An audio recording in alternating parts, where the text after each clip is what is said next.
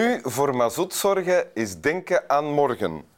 Vul tijdig uw stookolieketel, want de winter wordt ijs en ijskoud.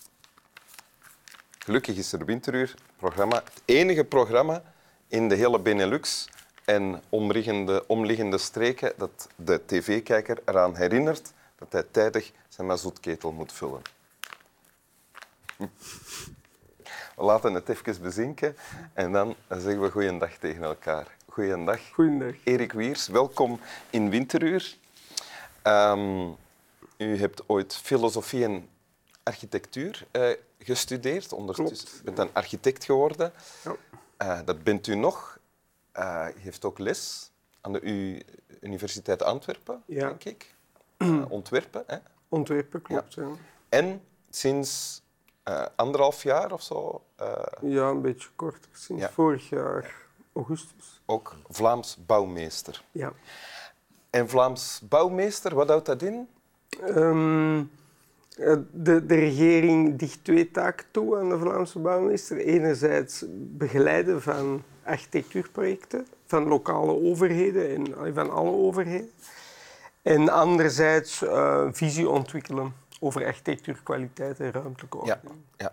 Maar, en het houdt in, er is een team, hè? Een team Ja, ja, ja, van 10, er 15 zijn man. een vijftiental mensen die er al jaren, die al heel wat bouwmeesters versleten hebben. En om de vijf jaar worden die door een nieuwe bouwmeester geleid. Ja, Ja. zo is het. Zo Ja. is het. En overheden die komen bij jullie voor advies. Ja. Ja. ja. Ja. En dat kan alle soorten advies zijn. En, en als het over een project gaat, dan hebben wij instrumenten om die te begeleiden tot een kwalitatief Ja. gebouw of, of aanleg van een openbaar domein. En het resultaat van al die jaren bouwmeesterschap, van al uw voorgangers, wat zij hebben mee doen gebeuren en van visie ontwikkeld, is wel dat in andere landen dat mensen naar hier komen om te, om te kijken naar dingen die er gebeurd zijn. Ja, absoluut. Er is echt, echt zo een slag gebeurd in kwaliteit in Vlaanderen, alle overheidsgebouwen. Er is momenteel zelfs een, een, een Duitse uitgeverij die een boek wil maken over de open oproep. Dat is het belangrijkste instrument van de Vlaamse bouwmeester. Ja. Dus de, er is echt een kwaliteitsslag gebeurd in die laatste twintig jaar bestaan nu het bouwmeesterschap. Benieuwd naar uw visie en naar hoe die zich vertaalt in de tekst die u hebt meegebracht. Wil je die voorlezen? Ik zal dat doen. De wereld is voor de mens tweevoudig naar zijn tweevoudige houding. De houding van de mens is tweevoudig naar het tweevoud van de grondwoorden die hij kan spreken. De grondwoorden zijn geen afzonderlijke woorden, maar woordparen. Het ene grondwoord is het woordpaar ik-jij. Het andere grondwoord is het woordpaar ik-het. Zonder verandering in betekenis van het grondwoord kan het het ook een van de woorden hij of zij in de plaats komen. Ook het ik van de mens is dus tweevoudig, want het ik van het grondwoord ik-jij is een ander ik dan het ik van het grondwoord ik-het. Oké. Terwijl u voorlas, heeft Swami Bami mijn broek bevuild met snot. Maar daar gaan we het niet over hebben.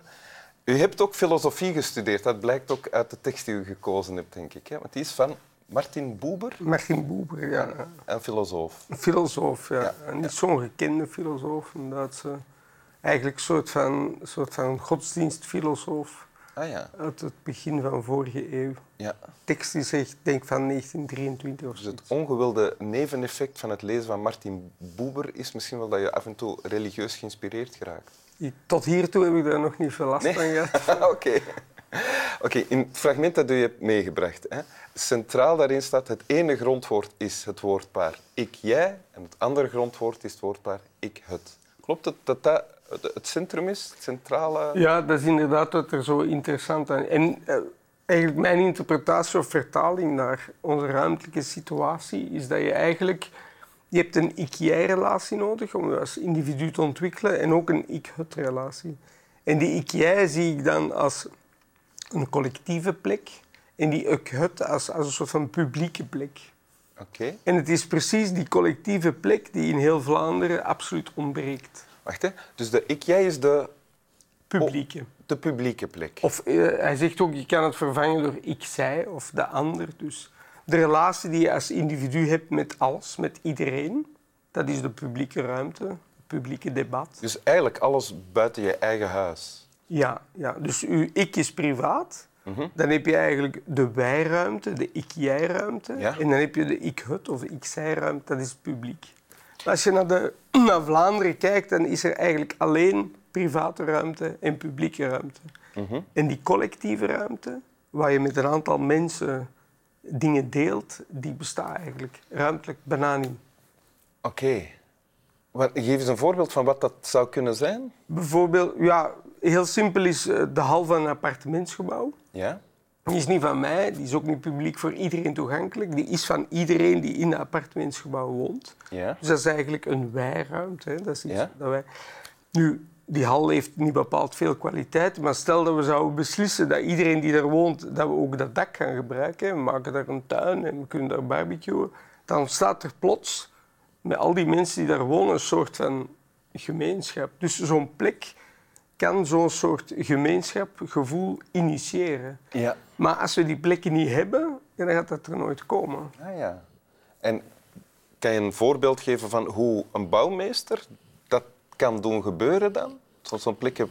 Ja, ik denk dat wij kunnen, kunnen proberen te wegen of het beleid of door pilootprojecten of voorbeeldtrajecten te, te laten blijken dat eigenlijk de, de, de, de collectieve ruimte of het collectief wonen, dat dat volgens ons de, de toekomst is. Ah, want het gaat over het wonen dan vooral ook. Het gaat vooral over het wonen, maar het gaat er ook over dat je publieke ruimtes dat je die kan toe-eigenen als je geen buitenruimte hebt. Ah ja, ja. Dus dat je ervoor zorgt dat die niet helemaal ingenomen worden door geparkeerde wagens, maar Ja. dat daar ook die druk kunnen spelen en je elkaar daar kunt ontmoeten. En bij collectief wonen, ik stel mij iets voor van mensen die in huizen wonen en er is een soort plantsoen, plein, park, weet ik wat, dat, waar die zich ook allemaal mee verantwoordelijk voor voelen. Want dat, dat bijvoorbeeld, hoort er toch ja, bij. het ideaal is denk ik als je bijvoorbeeld een tuin of een buitenruimte deelt. Bijna iedereen kikt op een private tuin. Ja. Dat is ook zo'n soort idee fix dat wij hebben, denk ik, in Vlaanderen. Dat ons woonideaal is zo ver mogelijk van iedereen weg. Mhm. Zoveel mogelijk in het groen. Met een omheind eigen gebied. En eigenlijk is, dat, eigenlijk is dat vreemd dat wij niet denken van als je gaat wonen, waarom zou je niet nadenken van hoe ga ik samen met anderen een plek delen en organiseren, dat we daar een soort gemeenschap ons, dat dat gewoon een plezante moel wordt. Want was het ooit anders dan? Goh, ik denk, denk ja, de holbewoners die wonen al met een aantal families. Ja, ja, ja. ja, maar ik bedoel, vanaf dat mensen in steden zijn gaan wonen, is het dan niet... Dan komen toch al die afbakeningen? Er, het, is, het, is ge- het is gegroeid, maar er zijn, wel, er zijn wel bijvoorbeeld steden in Europa waar je veel meer eh, collectieve woonvormen hebt. Ah ja. En in Vlaanderen is er eigenlijk bijna van de jaren 60, 70 een soort van bewuste politiek geweest van als iedereen individueel gaat wonen, dan gaan ze spaargeld in de economie steken. Dan, hè, als de bouw draait, draait alles. Ja. Dan, dat, ten eerste. Ten tweede wonen ze dan onder de kerktoren, dus dat is nog veilig en wel. Geven ze dan een bedrijfswagen om naar hun werk te gaan. Dus heel die, eigenlijk heel dat verhaal, hoe dat wij, waar we nu mee zitten, met die heel verspreide ruimtelijke ordening, met al die individuele verkavelingen, ja, dat, dat is een soort van stelselmatig gegroeid, dat is een soort van overtuiging. En hoe, hoe woont u zelf? Ik, ik, ik woon in de, in de stad, Mhm. eh, dicht bij het Centraal Station. Ja. En ik deel een tuin met een aantal buren. Ah, oké. Ja. Was dat van in het begin zo? Of, of, of- Wij, hebben, wij hebben dat met, het, met mijn toenmalig bureau gebouwd. En wij hebben die woningen, dat is ook interessant, verkocht aan mensen die we niet kenden. Die zijn daar komen wonen. Maar die wisten wel, die tuin is van iedereen? Ja. Alleen van iedereen die hier eh, woont. Dus je wist ook, ja, je moet proberen overeen te komen met de mensen die, die je eigenlijk niet kent. En werkt dat goed? Dat werkt fantastisch. Ah, ja. Oké. Zullen we nog eens luisteren naar Martin Boeber? We zullen nog eens naar Martin Boeber luisteren. De wereld is voor de mens tweevoudig naar zijn tweevoudige houding. De houding van de mens is tweevoudig naar het tweevoud van de grondwoorden die hij kan spreken. De grondwoorden zijn geen afzonderlijke woorden, maar woordparen. Het ene grondwoord is het woordpaar ik-jij. Het andere grondwoord is het woordpaar ik, het. Zonder verandering in betekenis van het grondwoord kan voor het ook een van de woorden hij en zij in de plaats komen. Ook het ik van de mens is dus tweevoudig, want het ik van het grondwoord ik-jij is een ander ik dan het ik van het grondwoord ik-het. Oké. En wat dit dan precies te maken heeft met wat u net allemaal komt te vertellen, dat heel interessant is, dat moeten we dan zelf misschien een beetje samen puzzelen. Dank u wel. Graag gedaan. Slaap wel.